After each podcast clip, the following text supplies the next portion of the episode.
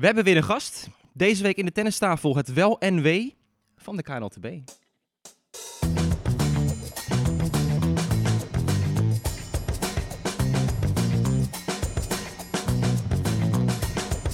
Please take your seats quickly, ladies and gentlemen. Thank you.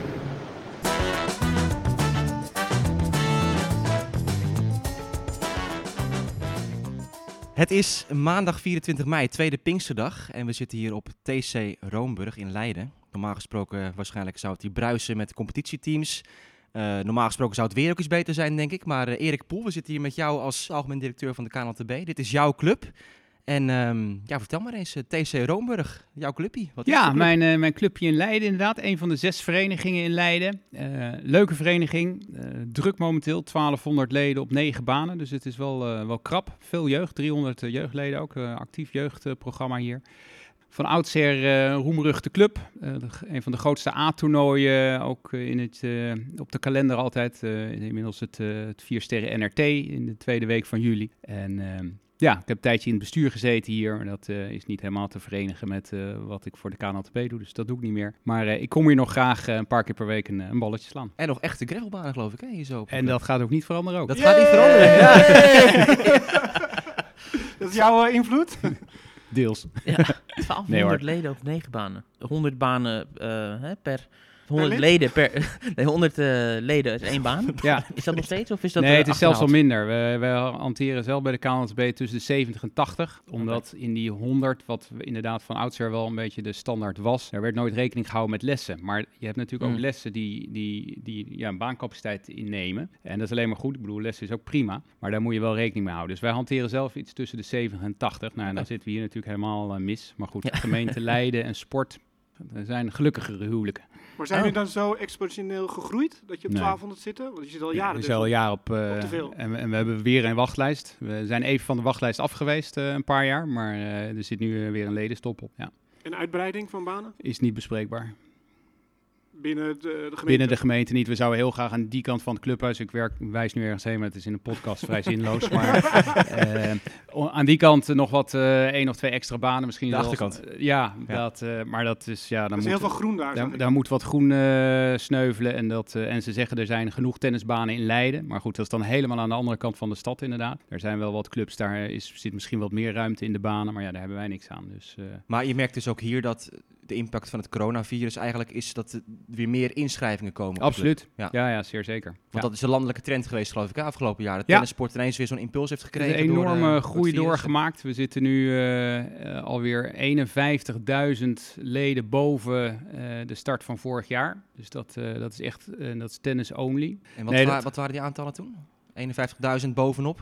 Bovenop uh, eh, 540 of zo. Dus we gaan, uh, we gaan weer richting de 600.000. En uh, nou, dat is een tijd geleden dat we daar gezeten hebben. Dus dat, dat is wel hartstikke mooi. Padel groeit ook nog steeds, maar daar, daar zat al een organische groei in. Maar tennis gaat ook hard. Nou ja, dus zoals gezegd, hier nu een wacht, wachtlijst. Maar bijvoorbeeld 14 clubs in Amsterdam zitten op met een wachtlijst. Dus het is wel een beetje regionaal gebonden. Dus de, de Randstad, daar is het met name heel druk. Um, andere delen van het land misschien iets minder. Maar dat, dat, dat tennis bij uitstek uh, een sport is die nu heel veel gedaan wordt, dat is duidelijk. Ja. Maar de uitdaging was natuurlijk ook om die mensen te houden. Kijk, ja. in coronatijd kwamen ze. Ja. En nu ook houden al die voetballers, volleyballers, hockeyers. Klopt. Dat, dat gaat lukken? Nou, daar, daar zijn we met de verenigingen hard mee bezig. We hebben allerlei programma's, uh, die hadden we al, maar die zijn we nu uh, versneld aan het uitrollen met hen. Uh, om wedstrijdjes spelen, clinics, combineren met lessen, de, de, de, zomerlidmaatschappen die het goed doen. allemaal om te zorgen inderdaad dat het niet een, een eenmalig iets is, maar dat het structureel is en duurzaam. Ja, had, had je dat verwacht trouwens, dat het zo'n ontwikkeling zou geven. Het virus was natuurlijk, iedereen werd erdoor verrast en zo. En veel sport hebben het moeilijk ermee gehad. Uh, ja, hoe heb je dat eigenlijk ontvangen? Ja, zeg maar? het was een beetje uh, dubbel, hè? Want uh, we, we, zitten natuurlijk in een hele beroerde situatie ja. met z'n allen. Laten we dat vooropstellen. Dat is ook niet iets, het liefst zouden we er vandaag vanaf zijn. Maar we hebben er een beetje garen bij gespind. En de verenigingen dus ook, want die hebben veel extra, le extra leden. Het enige is dat de, de, kantines veel dicht zijn. Nou, eindelijk kan sinds woensdag weer open. Maar dus daar wel weer om inkomstenderving gehad. Nou, dat hebben die nieuwe leden in veel gevallen gecompenseerd. En wat, wij, wat voor ons belangrijk is, wij meten de vitaliteit van verenigingen. Dat doen we op een aantal criteria: organisatie, accommodatie, cultuur, financieel. En onze vereniging, tennisverenigingen, zijn er bij uitstek heel goed uitgekomen de afgelopen periode. Zeker als je dat vergelijkt met andere sportverenigingen. Ja. En ja, daar mogen we best, best blij mee zijn. Oké, nou straks wat meer over de, de KNTB. Laten we eerst even terugblikken op de afgelopen week. Weer veel gebeurd natuurlijk in de tenniswereld. Roger Federer heeft zijn eerste stappen op, op, op gravel gezet. Heb jij er iets van gezien, Erik, of niet? Ik heb er iets van gezien, ja. Het was niet helemaal de oude Federer, hè? Hij was nog niet zo snel uit de hoeken weer terug. En uh, nee, nee, nee, dat viel had misschien ook niet de meest lekkere loting, maar... Ehm, nee, hij is nog niet op het oude niveau. Toch had hij gewoon moeten winnen. Ja, hij stond 4-2 voor in de derde. Ja. Dat was wel weer vintage Federer. Een voorsprong nou, weggeven. Nou, een 4-2 weggeven, vind je dat vintage? Dat hij dan vier games op rij verliest? Nou, wel potjes uh, verliezen die hij moet winnen. Ja, dat is, dat is wat anders, ja. Tegen Pablo Andujar was het, uh, voor de duidelijkheid. Ja, dat was een goede toevoeging. Ja. Maar ik vond het meest komische nog wel, uh, het was natuurlijk allemaal van, ja, gaat na zoveel maanden gaat hij tennissen. En eigenlijk het inspelen, het was bijna alsof je gewoon ja, die, die kon je heel erg daarmee identificeren. Want ballen die ineens verkeerd opstarten, die gewoon bij het inspelen langs die ballen heen sloegen en zo, dat soort dingen. Ja, maar het was natuurlijk ook een clubhuisje. Ja, precies. Ja, 100 mensen. Ja, ja. Het, was, ja, het was gewoon een competitiedag die wij missen. Inderdaad. was daar gewoon in Genève. Ja. ja, en je zag dat prikkeldraad achter en de achter met die fotografen steeds lopen. Ja, mensen in de bosjes achter uh, Klopt. de boom geklommen. Om, uh, ik vond het baantje wel grappig, wel een pittoresk baantje was het. Maar, ja. Uh, ja, jij bent daar misschien ook wel geweest, Erik. Want een paar jaar geleden toen was Zwitserland-Nederland die Davis Cup. Ja, was binnen. Was, was, in de, was bij het vliegveld, was niet daar. Nee, klopt. Maar David en ik die zijn toen nee, nog, wij waren er ook bij. Wij zijn toch naar die club geweest. Ja, ja. Oh, oké. ja, dat was wel grappig. Dat, mooie historische club. Maar ja, Federer dus, um, ja, het doet wel een beetje pijn, vind je niet? Als je dat ziet zo, dat hij uh, zo aan het struggelen is. En... Het is een beetje wat ik verwacht had, eigenlijk. Je ziet ook momenten dat hij wat fantastische dingen laat zien. Op die matchpoints tegen sloeg hij zijn twee mooiste ballen. Maar ja, goed, het is een beetje uh, up en down. Ja, had ik wel verwacht. hij ging natuurlijk wel heen om twee, drie potjes te spelen. Niet om de eerste ronde van Andogar, die volgens mij vijf wedstrijden bij verloren had, ja. weg te gaan. Er is trouwens ook een speler die, uh, die 35, uh, 35 is ondertussen, hè, Pablo Andogar. Ook veel meegemaakt met, met blessures.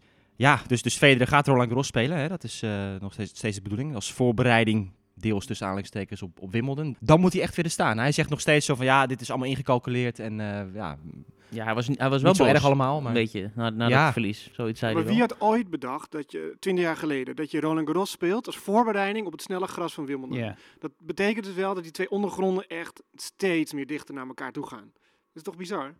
Ja. ja. Of is het meer gewoon dat hij zegt omdat wedstrijden gebruiken?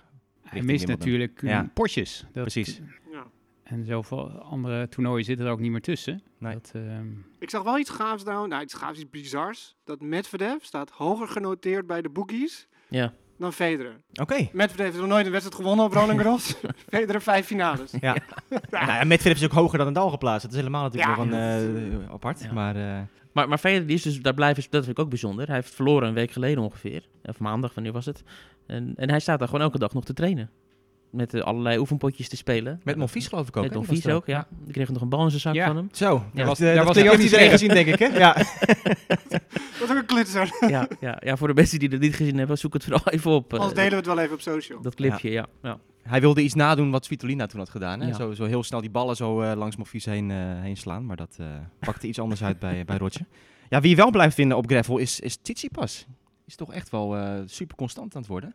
Ja. En nou, Lyon natuurlijk weer nummer 1 van dit jaar leidt nu de race. Uh, ja, en, en vorige keer, jij, jij, was er niet, Aben. Toen hadden wij het een beetje over, ja, hoe, hoe, hoe staat het nu? Maar toen gingen we even de diepte in, hè? Toen gingen we echt de diepte in. ja, toen kon het. Ja, ruimte. Toen kon het eigenlijk, ja. Ja, en toen, toen zeiden we, ja, na Nadal en Djokovic is Tsitsipas. Voor mij was het in ieder geval toen en nu nog steeds wel de nummer 3 op dit moment. Ja, want team, team, is, uh, team heeft het ook even niet. Dat, uh, die heeft een uh, break genomen, maar die is, die is nog niet terug mentaal volgens mij. Nee. Dus ja, het gaat tussen die drie. Ja. Trouwens wel leuk voor, voor jou Erik. Ik denk, als je kijkt naar tennissende jeugd en kinderen en voorbeelden. Volgens mij, we hebben het in, ook wel eens besproken in Rotterdam, als Titi pas in Rotterdam was. Ja, de aantrekkingskracht die hij heeft op kinderen, is, is dat denk je wel iemand die echt kinderen aan het tennissen kan krijgen en die, die soort nieuwe ster wel Ja, denk het wel. Bovenuit steekt e e eerder dan met Vedev en, uh, en, en Rublev, denk ik. Dus uh, team is natuurlijk al wel weer iets ouder. Zou, zou dat ook wel moeten kunnen hebben. Um, Zverev ook wel. Maar ik denk van, van, van de next gen, om het zo maar even te zeggen, heeft Tsitsipas dat zeker het meeste. Want dat is natuurlijk wel de vraag die, hè, bij tv-zenders hoort heel veel van straks inderdaad Federer, Nadal, Djokovic weg zijn. Uh, Waar gaan mensen nog tennis voor kijken? Is dat ook iets wat bij de bond misschien een beetje speelt? Van wat gebeurt er met de tennissport als die gasten wegvallen met de populariteit ervan? Nee. Oké. Nee, want er zal, geen, er, er zal denk ik wereldwijd zullen er weinig mensen minder door spelen. Ja, ja. Dat, uh, het zal een gemis zijn voor de sport, dat zeker. Want het zijn natuurlijk drie fantastische uithangborden. Maar uh, voor de sport, uh, er, staan weer andere mensen op. Misschien minder groot, sterk nog, zeker weten minder groot. Ja. Maar dat, dat gaat door. Weet je wat ik denk dat nog belangrijker is? Als je nu kijkt naar die trainer die hier de eerste baan staat, die voor zo'n club, die is veel belangrijker dan een Federer of Nadal ja. voor zo'n club. Zeker weten. Ja. Om, om het tennis aan de gang te houden en zo. En ook voor de jeugd enthousiast te maken en zo. Ik denk dat we dat een beetje onder, overschatten. Zeg maar, wat er op televisie allemaal te zien is. Ja. wat hier gebeurt op de baan. Dat is ook moeilijk om, om dat natuurlijk echt, echt... Kijk, en wij zitten er heel erg in en wij volgen elke uitslag en wij weten wat er op de, op de, de derde mm -hmm. future in Tunesië op baan 7 gebeurt. Maar voor het grote publiek, die zien dat tennis ook niet. Ook omdat het zo versnipperd is op, op tv. Dus die krijgen er sowieso al veel minder van mee.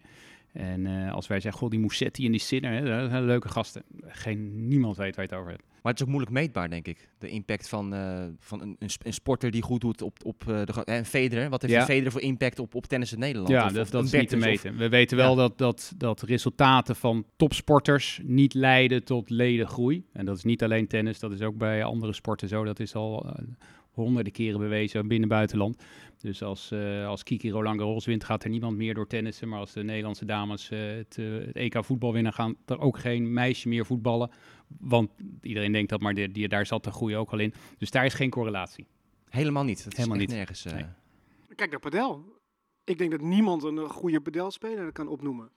Nee. De sport wint het dan toch. Ja. Dat gaat uiteindelijk ja. om dat spelletje. En, en, en of het bereikbaar is, of toegankelijk is, weet je, met reserveren, met lid worden, of ruimte is. Dat maar toen Richard Krajicek Wimbledon won, dat had geen impact op... Uh... Flatline. Ah, interessant. Ja, tennis is natuurlijk een vrij, nou vrij, een hele technische, moeilijke sport. Dus het, het verschil tussen een beginner en wat je uiteindelijk op tv ziet, het is niet van, ja, dat ga ik even nadoen. Nee, er zitten lichtjaren tussen. Ja. ja. Klopt. Ja, maar als je Medvedev ziet spelen, dan denk je wel, er is hoop. nee, ja, dat, dat moet ook kunnen. Zeker op gravel. ja. ja. Ja, oh, grappig. Um, ja, over trouwens nieuwe talenten die doorbreken. Uh, ja, bij de vrouwen Coco Gauff, 17 jaar. Dat is toch echt, uh, echt bijzonder wat het meisje allemaal doet. Uh, ook op, op gravel dus al zo ontwikkeld. Hè? En, zeker uit Amerika. Dat is vrij uniek als je de opleiding hebt. En Amerikanen die over het algemeen toch op gravel hè, een beetje afleggen. Won single en dubbel. Ja, klopt. Ja. ja Parma. ja, dat moeten we wel even noemen voor de, voor de luisteraar. Nee, zeker. Dat, uh... Maar wat mij wel opvalt bij haar, want ze heeft natuurlijk wat hele mooie en echt uh, resultaten geboekt waar iedereen van heeft gehoord. Maar toch is de, de groei die ze maakt, is, is vrij constant. En de toernooien die ze heeft gewonnen tot nu toe zijn kleine toernooitjes. En ze heeft steeds een kwartfinale, kwartfinale, kwartfinale. Dus het is niet dat ze, weet ik veel, een halve finale Grand Slam haalt en dan weer drie maanden verdwijnt. Het is gewoon constant aanwezig. Af en toe wint ze uh, een klein toernooitje.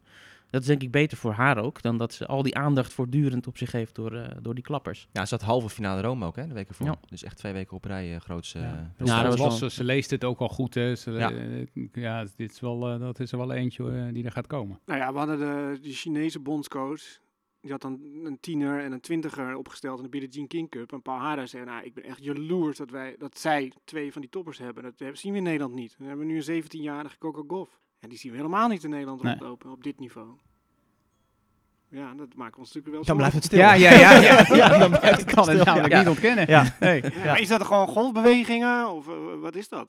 Ja, dat, ook dat. Maar uh, uh, kijk, er, zit, er zitten wel een paar goede meisjes, maar die zijn nu echt nog veel stuk jonger. nee, er zit onder Kiki en Aran zit, zit niet veel. Ik blijf altijd verbazen over die Tsjechische meiden. Hè? Dat, dat, is, dat houdt niet op. Nee. En dat is ook een land met, nou ja, wat is het, 15 miljoen inwoners volgens mij. Nee, dat is redelijk vergelijkbaar inderdaad, ja. En een eindeloze stroom aan talenten. En elke en top 20, ja. top 10, Mugova, leuke speelster waar we het regelmatig ja, over klopt. hebben.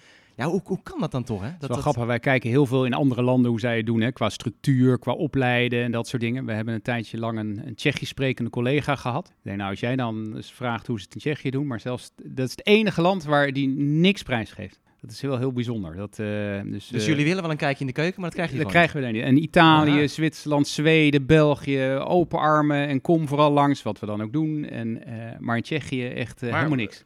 Dan wil je dus gaan kijken en dan zeggen ze je mag niet... Nee, this is where we draw the line. Nou, wat zou dat zijn dan? Ja, nee, ja, ze, hun eigen systematieken die willen ze niet prijsgeven. Dat, uh, en toen dachten we, want we hadden het eerst zelf geprobeerd. Toen dachten we, nou weet je, dat, ons lukt het niet. Kom maar, maar iemand die Tsjechisch spreekt, weet je dan. Uh. Maar kan je niet gewoon een soort infiltratieproject opzetten? Dat je probeert een coach daar in het systeem te krijgen of zo? Maar Michaela, die kan toch helpen daarbij? Ja. Die traint met die dames regelmatig. Ja, dat is waar, ja. ja. Maar wie was dan die Tsjech? Tsjechisch sprekende Nederlander die daarheen ging? Een collega Honzik. Die, ah, uh, die Pavel. Ja, die werkt nu bij NOC-NSF. Nou ja, eh, Canada, dat is heel duidelijk. Ja. Jaren geleden is opgezet. En die, ja. ja die gaan Ja, die doen wel, de, de, grappend, maar die, uh, die hebben wel veel... Uh, misschien moeten wij wat meer met, uh, met asielzoekerscentra gaan werken. Maar dat is natuurlijk allemaal wel import, hè. Shapovalov, Raunic, Felix. Ja. dat zijn geen ras Canadezen, zeg maar. nee. Dat, nee, maar goed, dat hebben wij met Michele Krajcek, Robin Hazen. Ja. Eigenlijk ook niet Igor Sijsling. Richard, het is ook allemaal...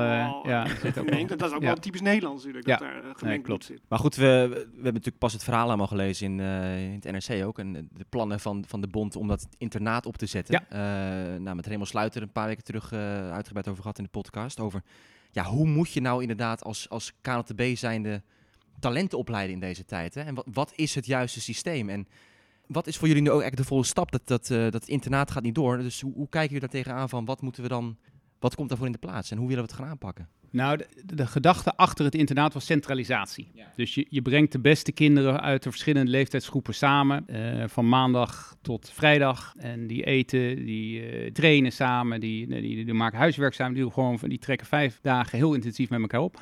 Gaan dan het weekend weer naar huis en komen maandagochtend uh, komen ze weer. Dat idee, die centralisatie, dat staat nog steeds. Alleen de timing en om het uh, op 1 september, komende september, in Doren te doen. Ja, dat was net even iets te vroeg. En daar, uh, daar speelden net iets te veel dingen om te zorgen dat dat ging werken. Maar de gedachte achter centralisatie, daar staan we nog steeds helemaal achter. Er staat NOC en NSF ook helemaal achter. Die nemen we ook heel erg mee in dit traject, omdat het voor hun ook belangrijk is hoe we omgaan met RC's, regionale centra en uh, nationale centra. Oké, okay, dus het was niet iets wat alleen door de bond zelf is, is bedacht. Het is met NSW en NSF is dat samen. Is dat, nou, de, de, de, daar trekken we. We hebben een prestatiemanager aan de kant van NOC NSF. Dat is Ralf van der Rijst, oud, uh, oud schaats. Daar hebben we super contact mee. Die helpt ons uh, bij heel veel dingen, onder andere ook, ook hierbij. en onze bezoekjes aan de buitenlandse bonden, waaruit blijkt dat eigenlijk al die bonden aan centralisatie doen hebben ertoe geleid dat we gezegd hebben, ja, weet je, uh, wij moeten ook gaan centraliseren. En dat wilden we doen. Daar, daar zat een, een, een heel lang voorbereidingstraject van twee jaar aan uh, vooraf. Maar toch kwam het nog te vroeg voor spelers, voor ouders, uh, voor, voor doren. Dus we hebben gezegd, oké, we moeten het ook niet overhaasten. We staan nog steeds achter de gedachte van centralisatie. Maar we gaan het niet per 1 september doen. Nee, want net natuurlijk, we lachten er een beetje om. van uh, wat blijft het Nederlandse talent en zo. Maar het is natuurlijk wel de vraag die altijd weer wordt gesteld. En waar jullie natuurlijk bij de bond ook al meer dan een decennium uh, mee worden doodgegooid waarschijnlijk. Van waar blijven die nieuwe Nederlandse toppers? En Klopt. Ja, dus jullie zijn op zoek naar allerlei oplossingen daarvoor. Omdat, uh, ja, ja en, dat, en dat is een lange termijn iets natuurlijk. Dus, dus niet dat we dan volgende week iemand hebben. Maar we hebben wel het gevoel dat centralisatie wel ons gaat helpen om nou betere talenten af te leveren. Maar in hoeverre is de Tennisbond dan verantwoordelijk voor het, ja, de talentenontwikkeling en dat we een Kiki Bertens of een nieuwe Richard Krijtje krijgen? Dat vind ik altijd moeilijk. Want is, is ook moeilijk. niet van de KNTB vandaan. Bertens heeft het ook op eigen weg. Demi Schuurs op de eigen weg. Ja, ja. Hoezo worden jullie er altijd op afgerekend? Ja, Nee, terechte vraag ook. Omdat wij wel verantwoordelijk zijn voor tennis in Nederland. Dus we, we voelen ook wel de verantwoordelijkheid ervoor. Um, maar zoeken jullie zelf dan ook naar die balans? Van, van hoe, hoe ver moeten we instappen, hoe ver moeten we afstand nemen? Zeker. Is dat ook iets wat de laatste ja, jaren... absoluut. Daar hebben we het met Jacco heel veel over. De, de tennisscholen die we gecertificeerd hebben, die zouden het liefst het helemaal zelf doen. Mm -hmm. Maar ja, daar, het is niet dat we geen vertrouwen in die tennisscholen. Sterker nog, ze zijn niet voor niets gecertificeerd. Dus dat vertrouwen is er. Maar daar is ook niet een track record dat daar nou enorme talenten de afgelopen jaren uh, naar voren komen. Dus we hebben wel het gevoel dat, dat onze expertise daarin wel uh, belangrijk is. Is dat dan ook een reden dat je zegt van we hebben het aangekeken, zo komt niks uit. We moeten het toch weer anders gaan doen? Uh, er komt onvoldoende uit. Er komt niet niks uit, maar er komt onvoldoende uit. En het, het is en-en. Dus het is, dat, dat, blijft ook gewoon bestaan. Maar daarnaast willen we uh, gaan centraliseren. Oké. Okay. Ja, ik weet nog, Stefan, dat jij het centraliseren vorige keer met Raymond... dat jij zoiets van, ja, is dat, is dat inderdaad in ik deze tijd nog... Ja. ja. Om kinderen van 12, 13, 14 uit huis te halen, bij elkaar te zetten. Ja, ik denk, we, we leven in een klein land. We hebben goede snelwegen. Ja. Alles is binnen een uurtje bijna bereikbaar. Ja. Ik denk, ja, waarom moeten ze dan gaan slapen? Ik weet niet of ik mijn dochter zomaar uit huis zou zetten. Nee. Omdat ook in deze tijd met, ja, met, meisjes, met, nee, trainers en dingen wat er achter de schermen Ja. gebeurt, weet je. Het moet allemaal transparant Ja. zijn. Ik rijd er wel s ochtends heen en ik haal er wel weer op. Oh, dat, We dat is- werken flexibel, ik, ik regel wel wat. Maar dat, dat, is, dat is in onze optiek, dat is ook een scenario wat, wat op tafel ligt. Dat is wat ons betreft ook nog steeds centralisatie. Want nog steeds trainen ze samen. Alleen dan is de, de, de, de slaapcomponent is er dan uit, zeg maar. De, de woning, de, het woninggedeelte. Maar nog steeds het eten en het trainen en de, het fysieke gedeelte. Ehm, dus dat, dat is ook zeker een, een, een scenario. En dat kan gewoon op de NTC. Ja, precies. Ja. Ja, en het, en het verhaal dat, hè, dat je zegt van we gaan het, we hebben net een nieuw NTC gebouwd. eh, Maar we gaan het onderbrengen bij een commerciële tennisschool. Dat heeft Ja, ook dat- wat redelijk wat reacties opgeleverd. Dat mensen denken, wat, Ja, dat, waarom op deze manier dan? En, Dat had deels ook met te maken dat we het Tjerk heel graag wilden laten doen. Ja. Omdat eh, we in Tjerk toch wel een van de beste opleiders van Nederland zien. En dat had met de capaciteit op het NTC te maken. Je moet daar wel de capaciteit kunnen vrijmaken. En wij zijn natuurlijk niet de enige huurder daar. Wij, wij, wij huren ons deel, maar daarnaast zitten er gewoon contractanten en zijn er mensen aan het spelen. En eh, die zouden dan moeten wijken voor ons. Ja, ja. het, het klinkt natuurlijk wel als je als buitenstaander Nee, dat, dat eh, klopt. hoort. En, en ook dit, ja, het, is, het is begrijpelijk dat jullie dat zo, dat zo uitleggen. Maar het klinkt natuurlijk een beetje knullig in, dat, in die zin. Dat je zo'n centrum hebt en dan, ja, we hebben geen ruimte om het daar te doen. Ja. Nee, heel, groot naar buiten gebracht. Ja, nieuw centrum en Ja. alles geweldig. En dan Nee, moet je toch ineens weer... Ons deel, kijk, wij huren maar wij huren een gedeelte daarvan. En, en dat zit echt ramvol. Ik bedoel, als je ziet welke uren we daar draaien met iedereen. Dat, Hm. eh, eh, maar het is on top of het bestaande programma wat daar al is. Ja. Ja, en daar was op dat moment de capaciteit niet voor. Oké. Ja, wat Raymond ook nog zei, is dat, dat hij eigenlijk een beetje met weemoed terugdacht aan zijn eigen opleiding. Hè? Vroeger met, met de bondstrainingen, Ja. eh, districten, voorspelen. Een beetje de, ja, hoe zeg dat? De charme van, van het geselecteerd worden door de bond. Dat was echt nog een eer in die tijd. En dat dat nu een beetje aan het afbrokkelen is eh, voor zijn gevoel met, met dus kinderen die zeggen, nou, het internaat, ja, eigenlijk niet zo'n zo'n behoefte aan. eh. en hij had zoiets van, ja, maar waarom is dat, dat systeem van toen, dat was eigenlijk best een goed systeem, zegt hij. Ja. Waarom bestaat dat niet meer? Nou, dat heeft onder andere mee te maken dat in, in zijn tijd toen hij in die bondstraining zat, had je denk ik 30 tennisscholen in Nederland. Nu heb je 300 tennisscholen in Nederland. En ehm, dus de, zelfs, zelfs eh, een, een, een, ehm, een, een eenling is, is ook al een tennisschool. Dus er zijn, er zijn heel veel tennisscholen nu, maar de concurrentie daarmee, en dat merkten we, dat was de reden dat die bondstraining gestopt is. We, we zaten echt in concurrentie met die tennisscholen. En eh, dat komt, ja, als je er 300 hebt, dan, dan, heb je, dan heb je veel concurrentie. Terwijl als je er maar 30 hebt, dan is dat toch anders verspreid. En dan, dan is die bondstraining, die past daar wel in. Dus het heeft ook mee te maken door de enorme opkomst van het aantal tennisscholen. En, en hoe, die, hoe die markt is gefragmenteerd. En dat was de reden destijds om in ieder geval te stoppen met die bondstraining. Ik zei, oké, nou er zijn zoveel tennisscholen. Laten we dan in ieder geval de, de, de, de beste uit die zoveel tennisscholen selecteren. Laten die het voor ons doen. Het klinkt wel heel veel, hè? 300 tennisscholen? En nog zijn er te weinig leraren. En nog zijn er te weinig Toch? leraren. Ja, klopt. Zijn, eh, Ja, op nou, zeker naar met de huidige groei Ja. weer. eh, ja, klopt. Ja. Is, er, is er ook niet een te grote versnippering op een gegeven moment? Ja. 300 tennisscholen in Nederland? Ja, maar goed, daarom dus die schifting. Dus een gecertificeerd. Ja. En dan kom je dus terug naar die misschien 30 van vroeger. Ja, precies. je die situatie probeer je dan terug Ja, te nu halen. zo rond de 20 hebben we gecertificeerd inderdaad. En dan Mhm. op te proberen inderdaad op die manier toch daar eh, een beetje richting in te geven. Ja. Ik ben ook wel benieuwd. ehm, je zegt we gaan naar het buitenland toe. Hè? We proberen te leren van verschillende tennisbonden. Wat zijn nou echt, echt hele opmerkelijke dingen die je bent tegengekomen in het buitenland? Dat je misschien denkt van, hé, hey, oh, die nooit aan gedacht dat ze het op die manier aanpakken. Of, Nou, vooropgesteld, centralisatie doen ze overal. Dus dat, dat, dat gaf ons ook het laatste zetje in de rug om te zeggen: oké, nou, dat, dan, dan we speelden al met die gedachte, maar dan moeten we dat ook gewoon gaan doen. Of je nou naar Zweden gaat of naar Frankrijk, waar ze allemaal op Roland Garros eh, intern zitten, of, of waar dan ook. Dus dat, dat, dat is eigenlijk overduidelijk dat iedereen het op die manier doet. Er komen, de- de- het grappige is, want we worden natuurlijk bekeken als zijn een land waar misschien niet zo heel veel toppers zijn op dit moment. Eh, aan de andere kant zijn bij ons wel dingen ook juist wel heel goed geregeld. Dus als je kijkt naar het opleiden van leraren, ehm, hoe wij dat doen hier in vergelijking met andere landen, dan, dan kunnen andere landen daar weer wat van ons eh, af en toe opsteken. Dus wij hebben een rondje gemaakt langs een aantal bonden. Maar het grappige is dat een aantal van die bonden nu ook bij ons langskomen. Dan weliswaar voor andere onderwerpen. Dus het verschilt maar net per land hoe het, hoe het geregeld is. Wat in Zweden heel opvallend was, dat was de enorme hoeveelheid van padelcentra. Eh, als je, als je, dus we gingen daarheen voor, eh, voor tennis, maar uiteindelijk eh, hebben, we, hebben we ook heel veel commerciële padelcentra gezien. Hoe ze dat deden met een bezettingsgraad van 90%. En Björkman die daar, die daar zwaar in zit met,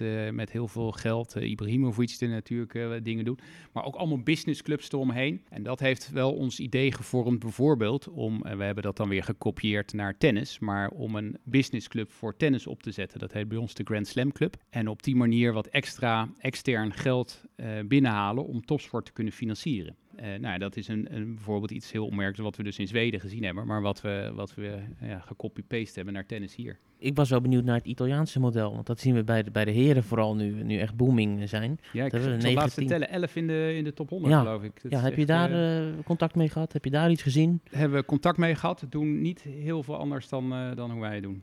Nee. Maar is, is het dan ook niet gewoon de toernooistructuur? Hè? Italië, ja, bol met challengers, uh, future toernooien, Frankrijk natuurlijk. Dat dat ook gewoon een hele belangrijke rol speelt in, in het kunnen opleiden van je spelers. Dat, en dat is natuurlijk in Nederland de laatste jaren. Je ziet toch meer internationale toernooien die het moeilijk hebben.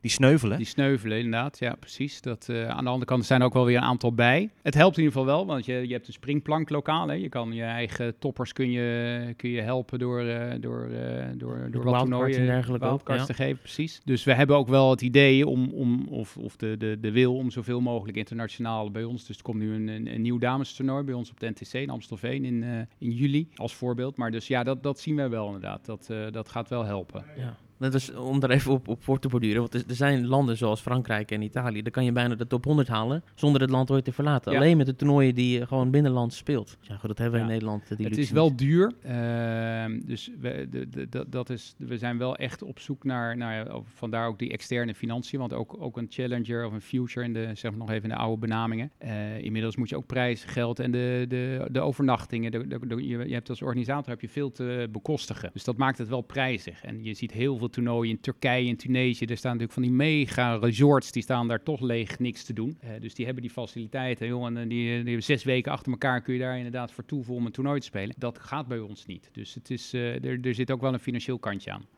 Ja, want in hoeverre kan de bond daar inderdaad iets, iets tegen doen? Hè? Dat is ook eens een, natuurlijk een vraag van hoe ver moet de bond ja. daarin gaan ook? Omdat, nee, we, we subsidiëren veel van die toernooien. Maar ja, we, we kunnen het niet helemaal bekostigen. Nee. Dus, maar we, ja, we, we, we betalen wel mee. Ja. Hoeveel van jullie totaalbudget gaat naar breedte tennis en hoeveel gaat er naar toptennis? Van het geld wat wij binnenkrijgen vanuit verenigingen, dus contributies en, en afdrachten, uh, daarvan is de, de, financiële spelregel die we met bestuur en ledenraad hebben afgesproken, dat maximaal 45% naar topsport gaat en minimaal 55% naar breedte sport. In de breedte sport zijn natuurlijk de, de competities uh, heel groot. Hè? En volgens mij ook de, de voorjaarscompetitie is ook een van de grootste competities ter wereld. Ja, dacht ik, hè? de grootste centraal georganiseerde competitie ja. ter wereld. Ja. ja.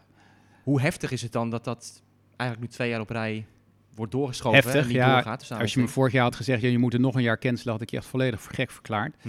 Nee, dat is, uh, dat, dat is heftig. En we, we missen ook nog de, de toernooimaand juni. Dat is ja. ook de eerste maand dat er al veel toernooien. Dus dat, uh, dat is voor ons anderhalf miljoen inkomstenderving. Zo. Uh, dus dat, dat, is, dat is heftig. Maar goed, we hebben, we hebben wel iets aan vet op de botten, dus we, we, wij managen het wel. Maar ik, ik vind met name voor verenigingen, want die hebben daardoor dus geen ominkomsten, geen, geen, geen toernooien-inkomsten. ik vind met name voor, te, to, voor verenigingen ook vervelend. Maar ik zag wel op Twitter onlangs een cheque voorbij komen voor de KNLTB van een miljoen of zoiets. Wat, wat dat, oh, de loterij. Ja, dat is loterij. Dat is, uh, ja, hadden we die maar. Nee, dat is de, dat is de, de jaarlijkse afdracht vanuit uh, de NLO, de Nederlandse Loterijorganisatie. Het grootste deel van onze inkomsten is vanuit verenigingen en, en leden. En dan hebben we een deel uit sponsoring, dat is het kleinste deel van de drie. En dan is het middelste stuk komt via NOC-NSF, dat is, zijn de gelden vanuit de NOC-NSF.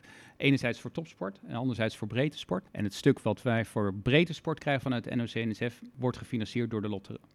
Dus van elke euro die jij bij of de Toto of de staatsloterij of iets anders bij de NLO uh, gokt, daarvan gaat 70 cent naar de sport.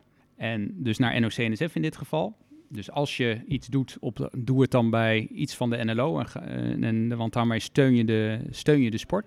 Van die 70 cent die naar uh, NOC-NSF gaat, gaat naar rato van het aantal leden, wordt het verdeeld over de aantal bonden. Dus de KNVB krijgt daarvan het meest, daarna wij en de Drakenbootbond het minst. Nou, dus als we verliezen met die loterij, dan denken we nou, uh, ja, toch nog iets goed gedaan. Ja. Sport, dan sponsor je toch nog de sport. Iets, ja, ja, dat voelt iets minder erg. Ja, en het was de check van 2020, dus het was een beetje een, uh, een uh, achterhaald verhaal, want we, okay. hij zat al in de 2020. Hij was al maar over hoeveel competitieteams gaat het eigenlijk zo'n zo voor je? We zijn de grootste van de wereld. 31.000. 31.000 inschrijvingen hadden we voor afgelopen keer. En uh, dat is vijf, 210.000 mensen. En die wil je allemaal naar het najaar krijgen? Uh, zoveel mogelijk, ja. Maar dat ja. lukt? Nou ja, dat gaan we proberen. we hebben nog lichte hoop dat, want in die 31.000 zitten ook nog jeugdteams, dat er voor de jeugd in juni nog wel gespeeld kan worden. Dat horen we 1 juni. Ik heb Den Haag uitgelegd dat dat best kort dag is als je 1 juni hoort dat je, in 1 juni, dat je vanaf 1 juni uh, jeugdwedstrijden mag spelen. Maar voilà. Ehm, dus we hebben alles klaarstaan, de indeling. Uh, we gaan dat komende week met de verenigingen ook communiceren. In de hoop dat we 1 juni, want dat is de eerstvolgende persconferentie, horen dat er wel jeugdwedstrijden gespeeld mogen worden. Dus dan kunnen we nog in juni vijf keer competities voor de jeugd spelen. Dat, en dat doen we niet voor het geld, want dat is maar een kleine fractie. Maar met name om de jeugd echt weer aan het spelen te krijgen. Uh, dus dat is belangrijk. En daarnaast hopen we dat van die 31.000 teams zoveel mogelijk, eigenlijk net als vorig jaar, zich in gaan schrijven voor de, nou ja, we hebben het dan maar weer de, de 2021 competitie genoemd, uh, die dan in september, oktober plaatsvindt. Ja, je, je, zegt, ik heb contact met Den Haag uh, gehad erover. Um, hoe zijn die lijntjes inderdaad geweest de, de laatste jaren? Mega intensief. Dit is, uh, ik voel me soms meer een politicus dan een, dan een sportbestuurder. Maar we, zijn, we hebben ongelooflijk hard gelobbyd de afgelopen nou, jaar eigenlijk. Het is niet per se het, het leukste om te doen. Uh, want je wil eigenlijk met de sport bezig zijn. Maar je, je, doet het voor de sport. En je merkt toch wel dat je er wat mee kan bereiken. zeker vorig jaar waren we samen met golf de eerste sport die open gingen. Eh, buiten natuurlijk was in mei. Hè. Het virus kwam in, uh, ergens in maart. Dus uh, dat virus was vervelend. Maar de timing van het virus was nog, nog beroerder. Want het was precies aan het begin van het seizoen. Dus nou, parken konden niet open op het moment, ook eigenlijk het moment dat nieuwe leden aantreden. Nou, die kwamen natuurlijk ook niet. Want je gaat niet ergens lid worden waar je niet kan spelen. Vanaf mei kon er dan wel gespeeld worden en waren eh, tennis en golf een van die eerste sporten die open gingen. Met name ook omdat ze sportspecifiek keken van ja, wat zijn de karaktereigenschappen van oh, tennis. Nou, je staat 21 meter uit elkaar, het is buiten, prima. Gaan. Maar dat hebben jullie ook zelf benadrukt. Benadrukt, precies. precies. En dat, dat leverde af en toe wel eens verwijt op van andere sporten. Ja, je bent niet solidair, je moet samen optrekken. Ja, weet je, uh, ja, ik kan me wel voorstellen dat je liever tennis dan dat je judoot. Ja. nou, sowieso. Sowieso. Ja. nu echter, en dat was met name in het winterseizoen, merkten we, want binnen mocht er niet gespeeld worden en buiten kon er gewoon doorgetennist en gepadeld worden. Binnen kon er niet getennist worden. En daar hebben we eigenlijk geprobeerd op dezelfde manier waarom we buiten op een gegeven moment wel konden tennissen. Waarom kunnen we dan binnen ook niet tennissen? Dus dezelfde afstand. Maar daar zei Den Haag wel van ja, we gaan we, in die zin worden alle sporten over één kam geschoren. En als sporten binnen open gaat, of het nou de fitness is, of het worstelen of tennis, dan gaan we met z'n allen. En ik denk dat we daar uh, in het nadeel zijn geweest, want anders hadden we ook binnen wel eerder open gekund. Uh, maar het is een continu uh, getouwtrek en dan, dan, kun je weer één dingetje soort van klaarleggen voor de volgende en is dat dan, ja, de, letterlijk, is dat dan binnensporten? Of is dat met vier op een baan? Nou, zeg het maar, wat geeft de voorkeur? Of de terrassen open, ja, kan ook. Maar dat is dan, wel, wat is de voor... Nou, en zo ben ik continu aan het puzzelen. En, uh, en dan ben je ook nog aan het kijken, ja, geldt het dan alleen voor tennis of voor meerdere sporten? Vier, op een gegeven moment mochten we weer van twee naar vier. Nou, er is maar één sport die daar wat aan heeft.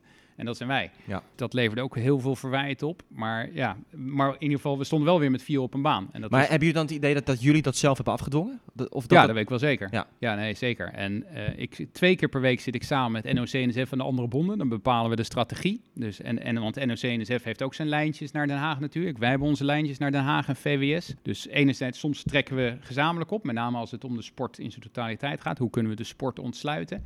En, en we trekken specifiek zelf op als ja, een vier op een baan, uh, dat soort dingen. Terrassen open. We zijn met, met golf een van de weinige sporten die ook een horecavergunning hebben, vaak bij clubhuizen. Ja, ik kan niet uitleggen dat de horecaterrassen open zijn, maar hier met een horecavergunning dat je niet open. Ik, ik, ik kan niet uitleggen. Maar het is ook niet gelukt om dat dus aan de, aan de politiek uit te leggen? Nee, nou, uiteindelijk zijn we wel twee weken eer. We hebben, we hebben, twee weken gewonnen, dat ziet niemand. Maar eigenlijk zouden we begin juni met de sportterrassen open gaan. Nou, door de lobby zijn we nu twee weken daar eerder. Nou, dat is toch weer twee weken extra omzet en... Uh, als het weer een beetje mee zit in ieder geval. Dus ja, je, je, je, je boekt wel resultaat, maar het is super intensief. En die lijntjes die leiden tot de minister of de staatssecretaris of soms, uh, ambtenaren? Uh, soms minister van Ark inderdaad. En we hebben ook niet ge geboft dit jaar, want we hebben drie ministers van sport gehad oh, ja. in, in, in één jaar. En die moet je dan weer helemaal opnieuw bijpraten, weer van voren af aan beginnen. Oh, is sport belangrijk? Oh ja, en bewegen? Oh ja, vitaal.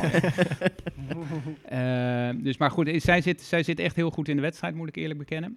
dus aan haar hebben we wel een goede, maar ik weet niet of ze blijft. Hè. Dus dan hebben we straks nummer vier in, eh, in een hele korte tijd als tegen zit. Uh, maar het meeste contact hebben we met het bureau van VWS. Er zit een directeur en een uh, plaatsvervangend directeur sport. En daar schakelen we het meest mee. maar ook de RIVM, onze, onze bondsarts, heeft wel eens contact met de RIVM over bepaalde zaken. Besmettingen van ballen of waar, waar moet je wel niet, dat soort dingen. NOC-NSF heeft contact met OMT, dat hebben wij dan niet. Maar ja, dus er lopen allerlei lijntjes. En wat we met name ook met de totale sport proberen te, te bewerkstelligen, is dat Den Haag begrijpt hoe belangrijk sport is. tennis is daar natuurlijk ook een onderdeel van, maar überhaupt eerst maar eens even sporten. Dat we weerbaar zijn, vitaal, uh, gezond, uh, juist in deze periode. En wat dat betreft werden we iets te vaak in het probleemhoekje geduwd met sport. In plaats van dat we een soort van de oplossing waren. Als, als heel Nederland aan het sport, zou sporten, dan zouden, weet ik zeker, dan zouden we echt minder besmettingen hebben. Dus ja, ik, wij, wij, zagen onszelf als de totaal, ook wel als een deel van de oplossing. Maar dat werd in Den Haag niet altijd zo gezien. Even los van de, de eerste lockdown natuurlijk. Wat, wat is daarna het moeilijkste moment geweest voor de bond, voor jou, in die hele crisis? Ja, eigenlijk nu deze, deze winter, dat, dat, dat het binnen allemaal weer dicht ging. Dat, uh, dat, dat was wel een strop voor veel uh, commerciële hal-eigenaren ook. Voor, en ook verrassend misschien dat het weer gebeurde. Dat het weer gebeurde, ja, ja precies. Maar heb je ook veel geleerd? Misschien. Ja, ja, ja, we gaan dat hier, gaan we anders doen. Dat gaan we zeker, precies. Uh, enerzijds in, in, in die lobby richting Den Haag, die contacten die zijn er nu. Maar ook bijvoorbeeld gewoon in het werken. Uh, we, we zijn als KNTB-kantoor al 15 maanden dicht. Hè? Dus ik, er zijn collega's die ik al 15 maanden niet gezien heb. Ik het niet voor te stellen, maar het is echt waar. Terwijl je een prachtig nieuw kantoor hebt. Terwijl we een prachtig nieuw kantoor hebben, ook nog eens een keer. Kijk, daar, daar gaan we ook van leren, want we hebben het 15 maanden hebben het hartstikke goed gedaan. Dus ook op afstand is dat prima te doen. Dus we zullen daar ook naar een soort van hybride vorm gaan van deels op kantoor, maar deels toch ook wel meer thuiswerken dan dat we voor de crisis deden. Ehm, ja, zo zijn er een heleboel dingen waarvan je toch denkt, hé, hey, dat is, uh, we hadden voor richting de verenigingen, we hadden een heleboel producten al klaar liggen, maar de urgentie voor verenigingen om dingen van de plank te pakken, ja, was er niet echt, hè, weet je, het ging wel. Maar ja, kijk ineens naar dat digitaal afvangen, dat, dat nam een vlucht, jongen. De, de zomerchallenge, die hadden we al twee jaar eerder. Nou, deden een paar uh, 100, 200 verenigingen deden aan mee. Afgelopen jaar 550. Even, wat is dat, zomerchallenge? Dat was een, uh, een uh, ja, goede vraag. Dat is een, een, zomerlidmaatschap, juni, juli, augustus. In de, in de maanden dat andere sporten een, een zomerstop uh, vaak hebben. Kun je toch een beetje proeven aan, aan het tennis. En nou, we merken toch ook dat, dat in die periode dat veel mensen toch het wel zodanig leuk vinden dat ze daarna ook lid worden. Dus er hebben 18.000 mensen afgelopen zomer aan die zomerchallenge meegedaan. 40% ervan is ook daadwerkelijk daarna lid geworden bij een vereniging. Nou, dat was een propositie die lag al, die hadden we al twee jaar. En dat, dat ging best aardig, maar dit heeft ook wel dingen versneld. Dus ja, we, we, we, we hebben absoluut ook dingen ervan geleerd. Ja.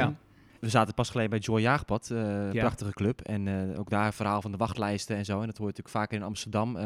Heeft de bond daar plannen voor om dat hele banentekort in Amsterdam uh, iets, iets mee te doen? Want dat, dat is ook wel een. Ook daar is on, ook onderdeel van datzelfde lobbytraject, alleen dan niet naar Den Haag, maar naar, naar Amsterdam en uh, BMW daar. En we hebben veel contact met, met de vrouwelijke wethouder in Amsterdam.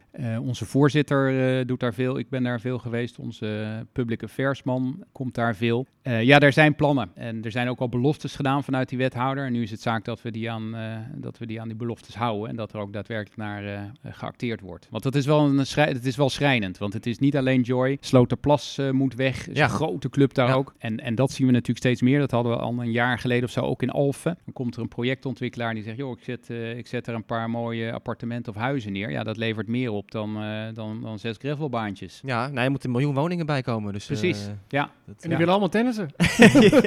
maar, kan je iets onthullen over de beloftes? Ja, precies, over? De beloftes. Die Breaking news. ja, deed dat er, dat er een plek is voor voor een, uh, voor, een, voor een groot nieuw, uh, nieuwe club in uh, Spieringenhoorn. dus daar, daar moet iets, daar moet iets uit de grond gestampt gaan worden, wat in ieder geval aan een groot gedeelte van de behoefte voldoet. En het lidmaatschap kost 3000 euro. Ja, dat, dat die grondprijs. ja, dit is gigantisch. gigantisch. Ja, ja, Dat is denk ik ook een groot Ja, dat zal, dat zal ook zeker niet mee houden. Ja. Padel. Hoe groot gaat dat worden binnen het? Nee, nee, nee, eerst. Hoe goed ben jij in padel? uh, een stuk minder goed dan uh, op een tennisbaan. Maar uh, ik, heb wel, ik heb er wel veel lol. Nog geen uh, padelbaantjes hier, hè, Bromer? Nee, mag ook nog niet. Ook al gevraagd. Ja, nee, zouden we graag willen, maar uh, hetzelfde... Dat is ook een lobby waar je mee bezig ja, bent. Ja, dus uh, flink ja. ja, dus ook, ook, ook aan diezelfde kant waar ik net verwees oh, ja. voor, de, voor de tennisbaan. Daar zouden we of, of één of twee tennisbanen, of één baan en twee padelbanen. Maar nee, dat, is, dat, dat, gaat niet, dat gaat niet heel vlot hier. Maar nee, padel, leuk om te doen. Ik doe het denk ik één keer per maand. Um, ja, super lachen. En uh, groeit hard. Uh, deed het al voor corona. En ik weet niet of het door corona versneld is. Dat denk ik niet eens zozeer, niet zozeer als tennis. Maar is gewoon constant doorgegroeid zoals het al deed. We zitten eind van dit jaar op meer dan 600 banen. Dus dat is echt wel, echt wel flink. Wanneer gaat de KNLTB de naam veranderen dan? Niet. KNLPTB moet het dan toch worden, of niet? Op een gegeven moment? Of, uh... Nee hoor. Nee, dat, uh, dat gaat prima. We hebben wel een heel duidelijk een, een nieuwe positionering voor, ja. uh, voor padel gemaakt. Om het ook echt apart neer te zetten als eigen sport. apart trekt toch ook een andere doelgroep aan laatste wat we moeten doen om het padel te laten groeien is het, zoals wij het noemen, vertennissen. Het, het moet wel echt, uh, echt zijn eigen ding, zijn eigen identiteit hebben. Dus daar hebben we denk ik iets heel moois uh, uh, neergezet. Dat zie je op de website, dat zie je nu in alle uitingen. En dat, nou, op die manier toch ook de, de sport zelf plek geven die het verdient. Dus nee, dat, dat, gaat, dat gaat echt goed. Maar waarom toch omarmt dan de sport? Omdat toch in tussen de 80 en 90 procent van de gevallen het bij een tennisvereniging plaatsvindt. En ook dat uh, in datzelfde rondje wat we maken langs Europese bonden, uh, zien we dezelfde tendens. Ook daar zien we padel en tennis uh, onder één bond samengebracht, met uitzondering van Spanje. maar Frankrijk, Italië, België, Zweden, zit allemaal gewoon onder, onder dezelfde vlag. En dat, dat maakt het wel makkelijk en dat maakt het ook richting een vereniging in de ondersteuning makkelijker. Ja, maar je hoort ook geluiden van er is nog zoveel te halen binnen tennis en nu de ledenaantallen weer groeien. Ja. We hebben dat padel helemaal niet meer nodig. Misschien drie, vier jaar geleden wel, ja. maar nu niet meer. Ik denk dat we padel hebben zeker niet nodig om, om tennis te laten groeien, ook drie, vier jaar geleden niet. Toen hielp het om verenigingen wat, wat, wat, wat body te geven. Nou, en dat, was de reden, toch? Nou ja, om een breder aanbod aan je, leden, aan je leden te kunnen bieden. En uh, nou, ik denk dat dat zeker geholpen heeft. Dat, dat zien we ook in de, in de cijfers. Maar het, het moet ook niet zo zijn dat, uh, dat tennis last heeft van padel. En dat gevoel heb ik ook niet. Maar dat is natuurlijk wel gevaarlijk, dat punt. Dat dat op een gegeven moment misschien gaat komen. Ja. Padel is zo groeiend, hè? En, ja. en, nu is het nog een klein onderdeel binnen de bond relatief ja. gezien. Maar nou, kan vergis, padel... je niet, vergis je niet, hè? er werken acht man, acht man fulltime aan padel bij ons inmiddels. Oké, okay. maar kan het een gegeven moment, het moet ook niet groter worden dan tennis zelf, toch?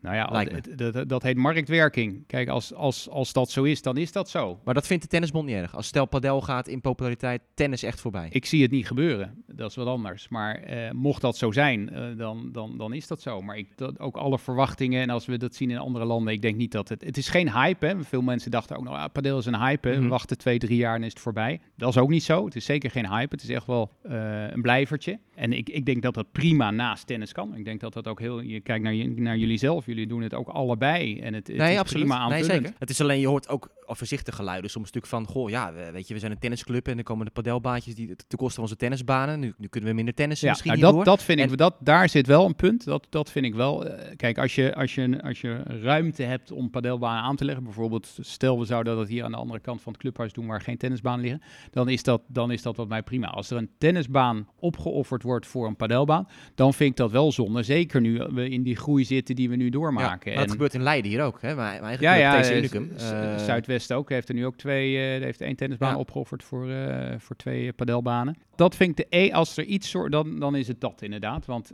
als we blijven doorgroeien op de voet zoals we dat nu met tennis doen, dan hebben we op enig moment die banen ook weer nodig verschilt natuurlijk wel, nogmaals, of je het over de Randstad hebt of dat je het over, uh, en nogmaals niks ten nadele van die regio's, maar Groningen, Limburg, Zeeland hebt, waar je soms clubs met van 300 leden op zeven banen hebt.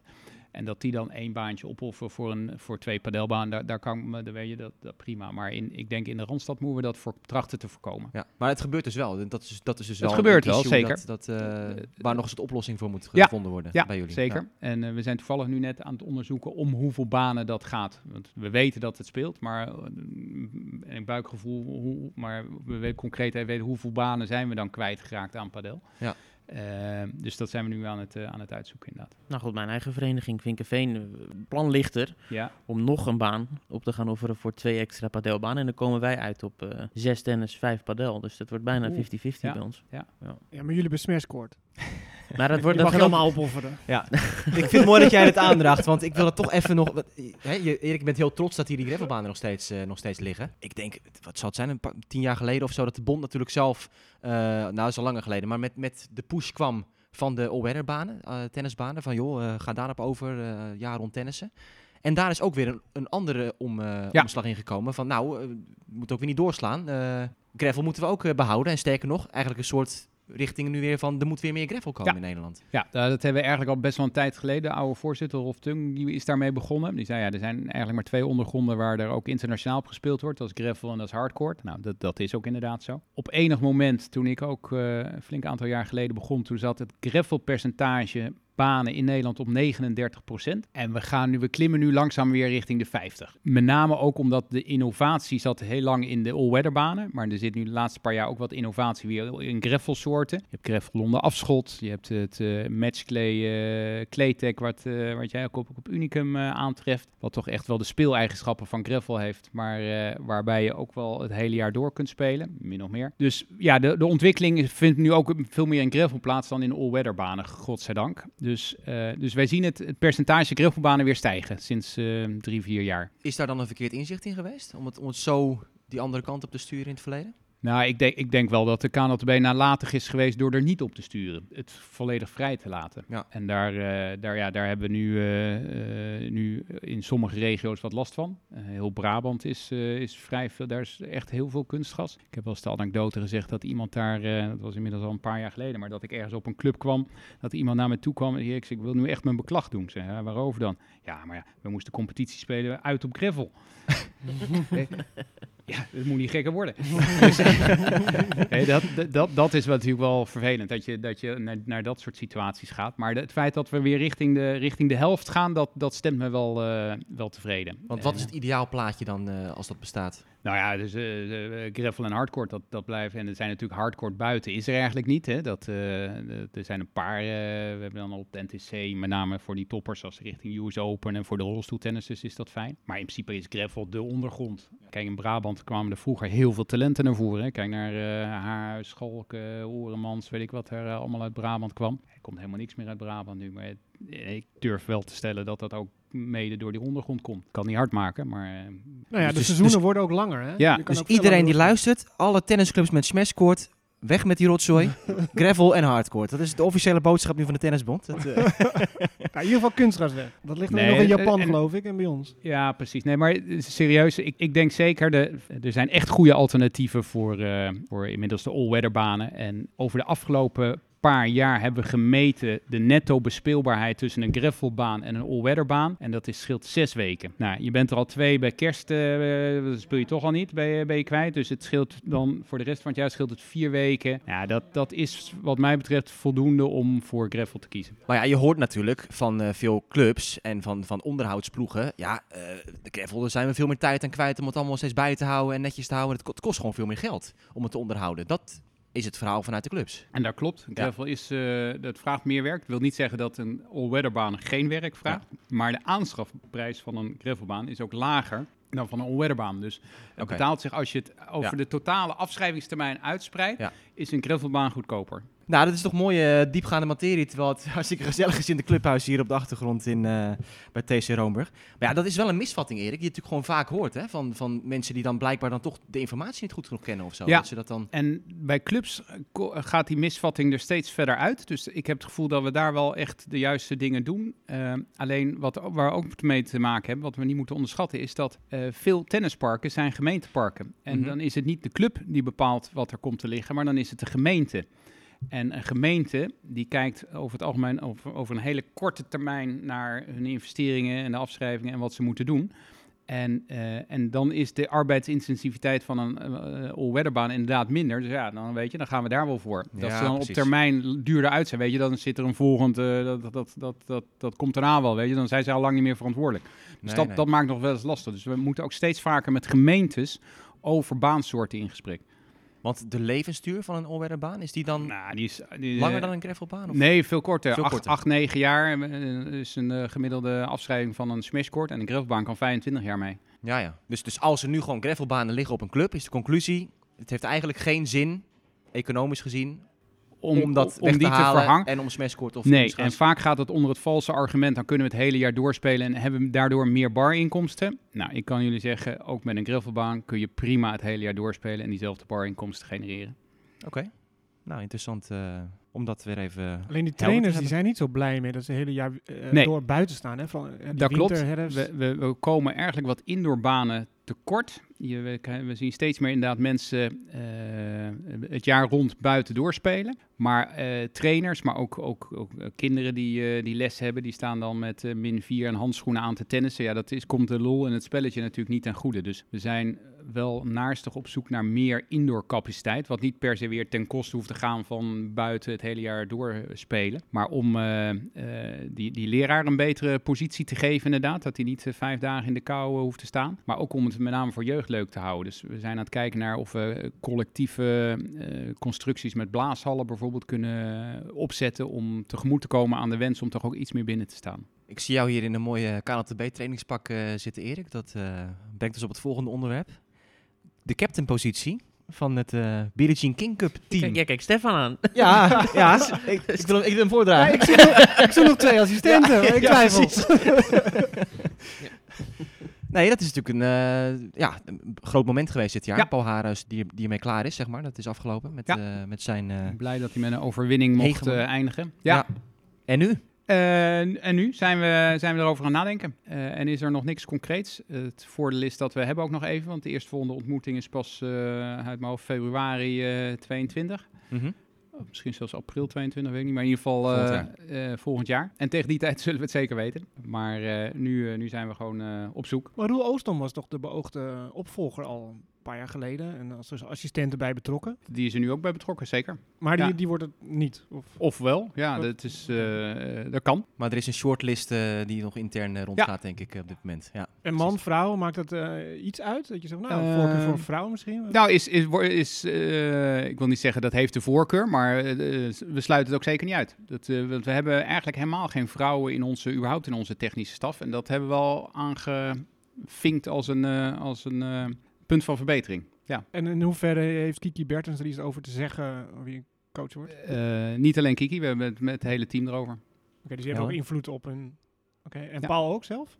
Paul niet. Nee, en die wil dat zelf ook niet, want die wil niet over zijn eigen graf regeren. Dus, maar goed, hij, hij, is nog steeds werknemer van ja, uh, dat klopt. Dat klopt. En misschien wordt hij ook wel uh, op enig moment geraadpleegd. Maar nee, al, na afloop van de afgelopen keer hebben we met de spelers gezeten. En, en hebben we het ook met nadrukkelijk hierover gehad. Met waar, waar moet zo iemand, hij of zij, aan voldoen? En wat, dus die, zijn daar, die zijn daarbij betrokken. En je zei van, nou goed dat hij heeft gewonnen. Natuurlijk mooi afscheid met overwinning. Maar het was ook rete belangrijk. Want je kon heel veel verliezen als je terugzakt naar die Klopt. lagere zon. Ja. Nee, er was ons veel, en niet alleen ook vanwege daarom, maar er was ons veel aangelegen inderdaad. En, uh, want dan kom je toch wel in een heel moeilijke, uh, moeilijke pool. En om je daar weer uit naar boven te worstelen, dat is wel uh, dat, ja, dat is lastig.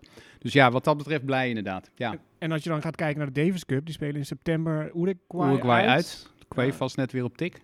Ja, ja, dus dat wordt ook nog... Uh... Ja, dat wordt nog een, uh, een stevige, ja. En deze zomer natuurlijk een groot evenement, Olympische Spelen. Olympische Spelen, ja. Wat is de rol van de bond bij de um, samenstelling van de teams? En dan zeker natuurlijk de dubbelcombinaties ook, waar ja. veel opties zijn. Ja, het begint eigenlijk als eerste onze rol om de kwalificatie-eisen met NOC-NSF af te spreken. Want de internationale eisen zijn niet per se ook altijd de, de nationale eisen. Niet alleen voor tennis, maar ook voor andere sporten. Dus eerst moeten die uh, vastgesteld worden. Nou, daar, dat is de rol van de bond. Die zijn nog niet duidelijk nu? Ja, ja, ja. oh, nu wat wel. zijn die uh, eisen?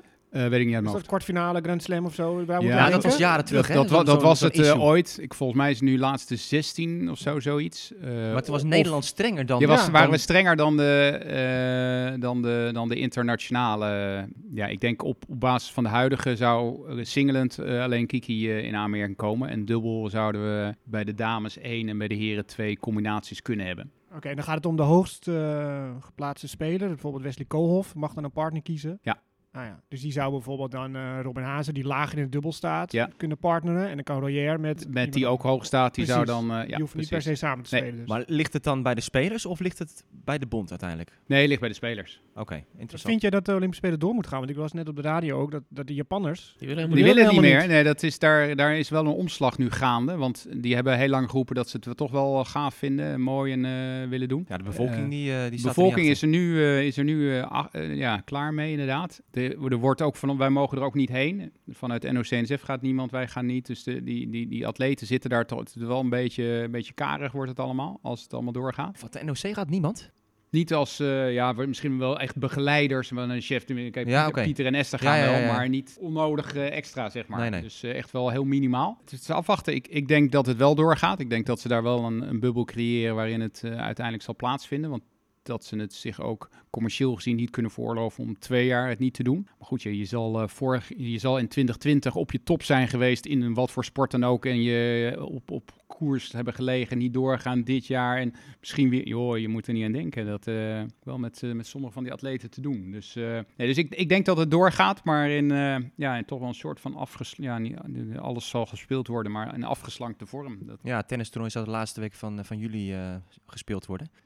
Oké. David, jij had nog een, uh, een onderwerpje, toch? Want uh, ja, de laatste weken, David is heel kritisch geweest op, op bepaalde spelers. Hè? Paula Badoza, dat vindt hij maar niks. En Casper Ruud, uh, ja, hè, daar hebben we ook weinig aan. Wat zijn de afgelopen resultaten ja, geweest? Ja, goed. Ik ben uh, niet te trots om te erkennen dat die het uitstekend hebben gedaan de afgelopen week. Zowel Badoza als Ruud hebben een toernooi gewonnen. Ruud uh, Genève en uh, Badoza in Belgrado. Belgrado, ja. ja. Aran moet nu tegen ja. Badoza, of niet? In de eerste, ja. ja. nee, nee, Pegula. Oh, Pegula, oh, ja. ja. In Strasbourg. Ook niet misselijk trouwens. Nee. nee. Tweede geplaatst uh, deze week in Straatsburg. Ja. Jij redt David, hè? Je gaat gelijk... Uh, nee, nee, goed, ik, uh, ik herken het uh, direct. Ik, ik blijf het, het, zeker Ruud een ontzettend saaie speler vinden. Maar ja, dat het een uitstekende gravelspeler gravel speler is, herken ik Die is wel opgeleid op een gravelbaantje, denk ik inderdaad. geen spijskort. Ja, bij Rafa. Nee, in Spanje, ja, precies. Dus gefeliciteerd aan die twee. Ja. Mooi moment om de podcast af te vlaggen, denk ik, of niet? Deze week. Ja, goed, er is nog veel uh, te bespreken. En misschien nog even een, een kleine. hij heeft hem niet. hij heeft hem nee, niet. Valt hij niet? Valt niet. Afvlaggen. Oh ja, tuurlijk. Ja, de bruggetjes. Uh, die herken... Door, doorgaans herken ik ze wel. even niet. Hij komt uit Zeeland, hè? Al die bruggen, jongen. Hij ja. is van de bruggen. Ja. Bruggenkoning. Ja. ja, Serena Williams. Doe jij op. Die uh, inderdaad. Zeker. Met, met de vlag in de hand in Monte Carlo uh, onze Max Verstappen stond ja, af te vlaggen. Nou, ze is beter met de racket. Dat kunnen we wel zeggen. Ja. Nou, ze dacht dat, dat toen Max voorbij was, dacht dat ze klaar was. Ja. ja. Die andere 17 werden niet Die hoeven niet meer. Uh, het gaat alleen om Max inderdaad. Ja, Serena kijkt ook nooit om als ze gewonnen heeft. Dus, nee. uh, ja. Ze wist niet eens wie Max was. Nee, was interview na afloop nog op, ja. ja. met, met de winnaar en ja, echt zo'n Serena-interview, hè? Erbij van, ja, great athletes en uh, veel respect en dat soort zaken. Maar, ja, uh, ja Max uh, heel klein ernaast. ja, ja. ja, een klein mannetje ja. dan, hè? Ja. Zo, ja, anders past hij ook niet in die auto. Ook uh, Kvito was erbij trouwens, zag ik op social media. Ja, met Fredef. oh, met Fredef, ja. ja. Die woont daar. Ja, dus, ja voor de tennis dus een thuiswedstrijd. Erik, bedankt. Dat Graag je was gedaan, deze week. Uh, we hebben weer veel geleerd. En uh, hopelijk ook uh, dat bepaalde tennisclubs misschien wat lessen eruit kunnen trekken. Dus over de, de baansoorten. David, misschien bij jou kunnen ze nog terugdraaien besluit om Kleetek aan te leggen? Gewoon echte gravelbaan, uh, nou, Vinkerveen. Ja, ik, ik, gaan lobbyen. We net al lobbyen ja, hier, lobbyen. lobby daar. Ja. Het is intensief, maar het levert ook wat op. Ja, ja ik, zal het, uh, ik zal het melden. Over echt gravel gesproken. We hebben natuurlijk wel het kwalificatietoernooi van Roland Garros nog. Hè, wat oh ja, ja, tuurlijk. Nog even kort op vooruitblikken. Want uh, ik meen zes Nederlanders in het enkelspel. Drie bij de heren, drie bij de dames. Ja, dat begint vandaag al natuurlijk. Indy die Vromer speelt op maandag. Botik van de Zandgroep speelt op maandag. De rest begint dinsdag. Leslie Kerkhoven, Liesje Hoogkamp, Robin, Robin Haase Haase en Tenne Griekspoor. en Tenne Griekspoor. Drie rondjes winnen. En dan donderdag hopelijk uh, bij de loting voor het hoofdtoernooi. Ja. En hopen dat Kiki natuurlijk op tijd Hersteld, fit is. En ja. we hebben vorige week heel kort even contact gehad met Elise Tameila en gevraagd wat, wat gaan we Hoor nou niks, doen. ik zie niks. Ja, precies. Maar de, de hoop is zeker dat we aan de start gaan verschijnen daar. Nou ja, ik zag haar trainen in Ettenleur met uh, Roland Grosballen. Dus ja, Hey. doet alles Oké. aan om... uh, Ja. ja. dat soort dingetjes moeten we het dan van Ja, hebben. het is eh, mooie insight eh, informatie nog. Eh, wij zijn komend weekend terug met eh, de voorbeschouwingen, want de loting wordt dan verricht voor Roland Garros. En dan hopen we dat we ja, wat extra Nederlanders nog krijgen inderdaad uit de kwalificaties in het hoofdtoernooi. Dus tot dan weer voor de volgende aflevering van de Tennistafel.